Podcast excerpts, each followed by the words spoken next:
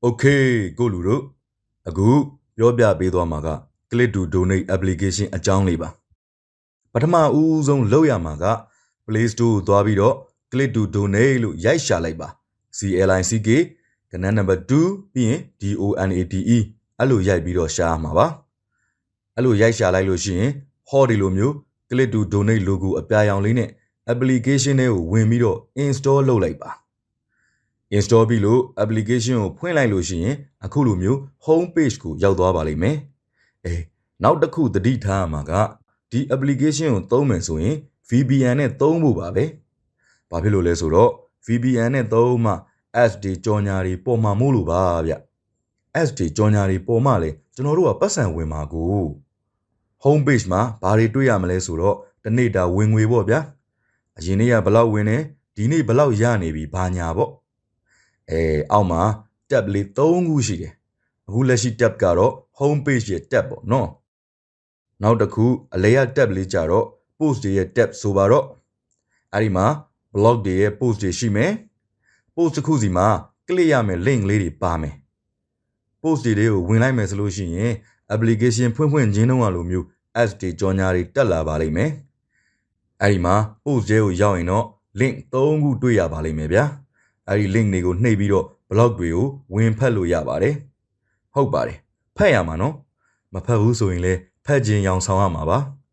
ဘာဖြစ်လို့လဲဆိုတော့ဒီ application ကိုသတင်းဖတ်တဲ့ application news application သဘောမျိုးလုပ်ထားတဲ့အတွက်ကြောင့်ပါဒီတော့က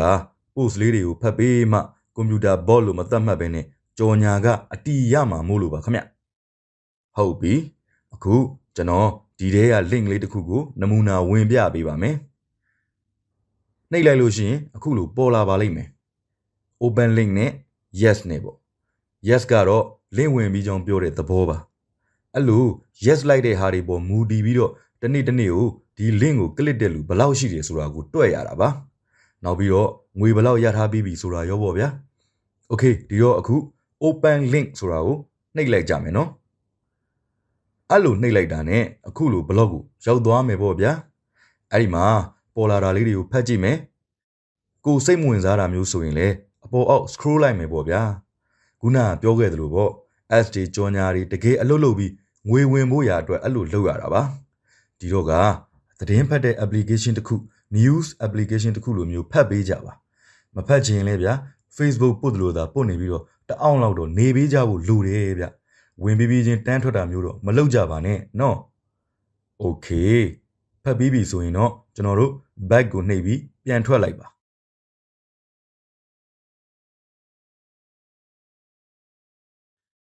အဲ့ဒီမှာပေါ်လာတဲ့ pop up window လေးတွေက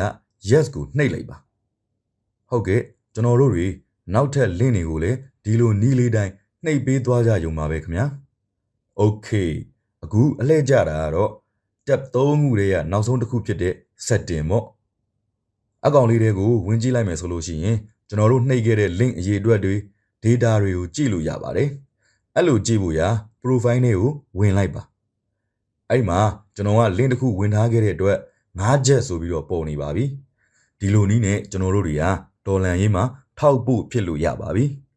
ကျွန်တော်ထက်ကထက်ကပြောခဲ့သလိုပဲ click to donate application ကိုသတင်းဖတ်တဲ့ application news application အနေနဲ့ develop လုပ်ထားတာဖြစ်တဲ့အတွက် news application လိုမျိုးလေးပဲသုံးပေးကြမယ်ဆိုရင်ဖြစ် ကို click လိုက်တဲ့မြန် click တစ်ချက်တိုင်းဟာ